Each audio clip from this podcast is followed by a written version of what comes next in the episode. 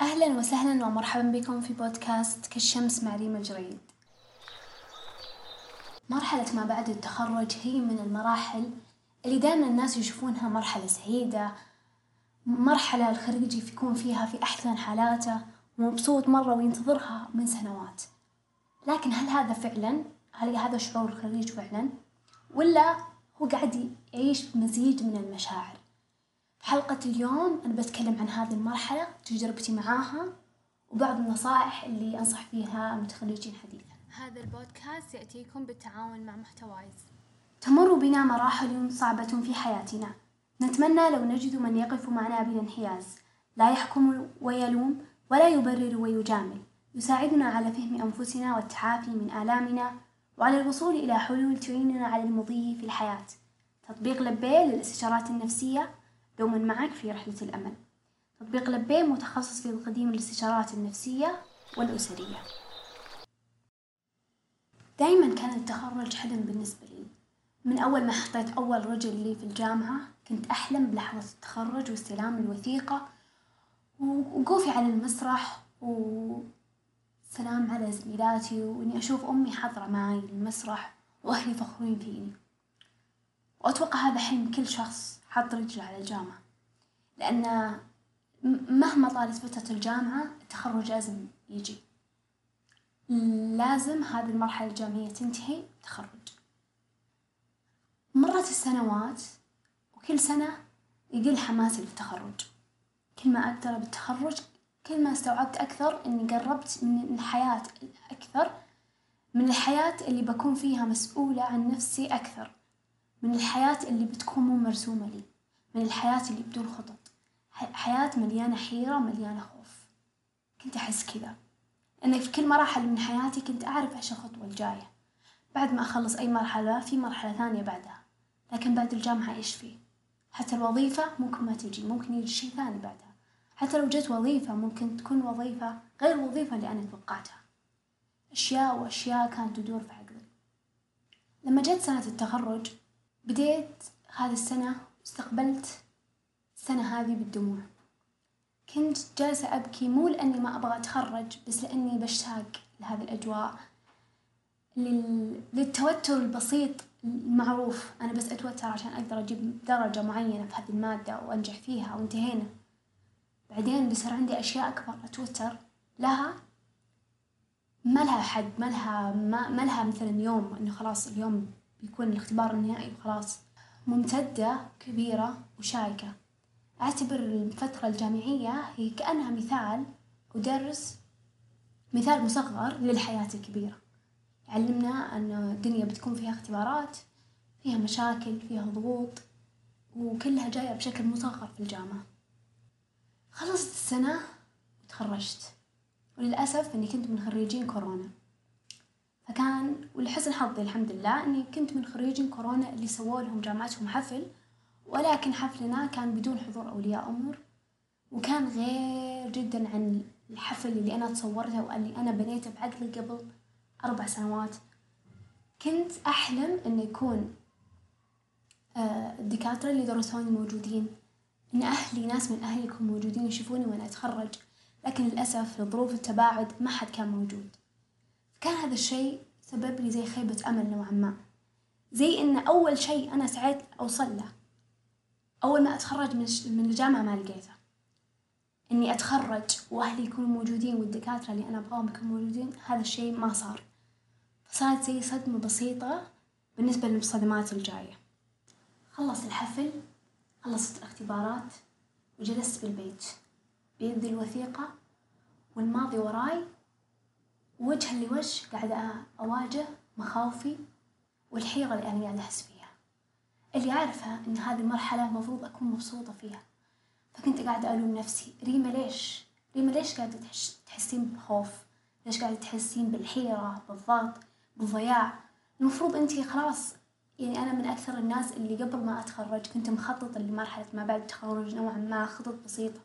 لكن مع هذا تبعثرت بعد التخرج. وحسيت وقتها إني ضايعة محتاجة إن أحد يمسك يدي ومحتاجة إني أتمسك بأي شيء بس عشان أقدر أتجاوز هذه المرحلة. بسلام رافق هذه المرحلة مشاعر من الاكتئاب. كنت أحس بالحزن إن المستقبل خلاص كله أسود وما عاد في شيء يحمس في الحياة. خلاص أنا خلصت جامعة خلصت الفترة اللي كل الناس يقولون أنت بتشتاق لها أنا خلصتها. خلاص بس نلقى الحياة كل ما كبرنا بتزداد صعوبة وبتصير من أسوأ لأسوأ. هذه الأفكار السلبية اللي كنت معيشة نفسي فيها بعد ما تخرجت وجلست بالبيت. فلكم أن تتخيلوا أني مليانة بهذه المشاعر وهذه المشاعر قاعدة تأثر على جسمي وبالتالي كنت هذه الفترة نوعا ما كارهة نفسي. مو طايقتها. ما عاد صرت أطلع كثير ولا لي رغبة بإني أشوف أحد. وجالسة في البيت كثير. دائما نظرتي تشاؤمية شوي للمستقبل اللي هي تقريبا تقريبا شهرين أو ثلاث شهور اللي صارت بعد التخرج. رحت وتكلمت مع دكتوري. قلت له يا دكتور أنا أحس إنه فيني اكتئاب ما بعد التخرج أو شي زي كذا. قام قال لي ريما يمكن أنت عشان إنك تخرجتي وجلستي بالبيت مو أنت مو متعودة على إنك تجلسين في يومك كذا بدون أي إنجازات. فحاولي إنك في هذه الفترة إنك تنجزين. حاولت إني أطبق نصيحة الدكتور وأنجز بس ما أحس إني قادرة. من كثر ما أن المشاعر السلبية مليانة فيني ما أحس إني قادرة أعطي أقابل الناس. ماني ماني قادرة حتى أنبسط بيومي. فقلت أنا أبغى أساعد نفسي. إيش أسوي؟ رحت بحثت في اليوتيوب وكتبت مرحلة ما بعد التخرج واكتئاب ما بعد التخرج وحطيت مقاطع مرة كثيرة في المشاهدة لاحقا. ودخلت وشفتها ورا بعض. كانت هذه المقاطع كلها تتكلم عن هذه الفترة. عن كيف هم تجاوزوا اكتئاب ما بعد التخرج هل اكتئاب ما بعد التخرج حقيقي ولا لا؟ كيف الإحساس فيه؟ هل هو بيدوم هل هو طبيعي ولا مو طبيعي؟ ويوم شفت هذه المقاطع حسيت براحة كبيرة. حسيت إن أنا مو لحالي. حسيت إن عادي إنك أنت لما تتخرج تحس نفسك ضايع تايه كاره نفسك مرات تحس نفسك ما خططت كفاية. تحس نفسك اللي يا ليتني مثلا أنا أنت متخرج بمرتبة شرف ثانية تقول ليتني جبت مرتبة شرف أولى. متخرج مرتبة شرف أولى تقول يا كنت الأول على الدفعة. فيها نوع ما من الندم والضياع خاصة إذا أنت ما لقيت الوظيفة اللي أنت تبيها على طول. بعد ما شفت هذه المقاطع اللي على اليوتيوب بديت أرتاح نفسيا. مجرد ما أنا ارتحت نفسيا وتقبلت وجود هذه المشاعر اللي فيني اللي هي الحيرة الخوف الشتات كل ما هذه المشاعر بدأت تقل حدتها عندي. وبالتالي قدرت أرجع لنفسي أكثر وأرجع لاتزاني النفسي أكثر. وبعد ما تقبلت مشاعري بديت أمشي بالطريق أقدم على وظائف وأتقبل أتقبل حطوا تحتها مليون خط إن عادي إني أنا أنرفض مرة مرتين ثلاثة إن عادي جدا إني أنا متخرجة من مرتبة شرف أولى وما في أحد قاعد يدور علي. أنا اللي بروح أدور على وظائف. إن عادي مرة إني أول وظيفة لي تكون مو بالراتب اللي أنا أتمناه مو مو بوظيفة أحلامي هي. مرة عادي. إن عادي أجلس شهر شهرين ثلاثة أربعة ممكن سنة ما أكون موظفة فيها لين ألقى الوظيفة. تعلمت إن فترة ما بعد التخرج وظيفتي فيها إني أبحث عن وظيفة. فما عندي مشكلة لو طالت هذه الفترة أو قلت بتكون هذه وظيفتي. كل يوم بتعلم من تجربة لتجربة بروح مثلا أقدم سيرتي الذاتية لمكان معين ويرفضونها فقوم فبقوم أقدم في مكان ثاني وأسوي بعض التعديل على سيرتي الذاتية. كل مرة بتعلم بشوف العيوب اللي كانت في سيرتي الذاتية وأغيرها وأعدل وأعدل وأسوي وأضيف أشياء وأضيف خبرات. وبرضو في خلال هذه السنة اللي أنا مثلا ببحث فيها عن الوظيفة ما بعد التخرج أنا بستمر في تطوير نفسي. ما راح أقول أنا خلاص أخذت بكالوريوس أربع سنوات خلاص هذا كافي. بالعكس أطور نفسي من ناحية اللغة الإنجليزية من ناحية تخصصي نفسه من ناحية القراءة بالثقافة بشكل عام وبرضو إني آخذ دورات قوية أو تخصصية في التخصص نفسه. يقول غازي القصيبي في كتابه حياة في الإدارة أذكر هذا كله للعظة والعبرة. أود أن يعرف القراء الذين لم يسمعوا بي إلا مسؤولا كبيرا أني بدأت حياتي العملية بدون مكتب وبدون طاولة. إن, إن عجبي لا ينتهي من أولئك الموظفين الذين يصرون على مكتب فخم في يومهم الوظيفي الأول. وأولئك الموظفين الذين يقيمون الدنيا ولا يقاعدونها إذا رأوا أن المكتب لا يتناسب مع ما يتصورونه لأنفسهم من مكانة.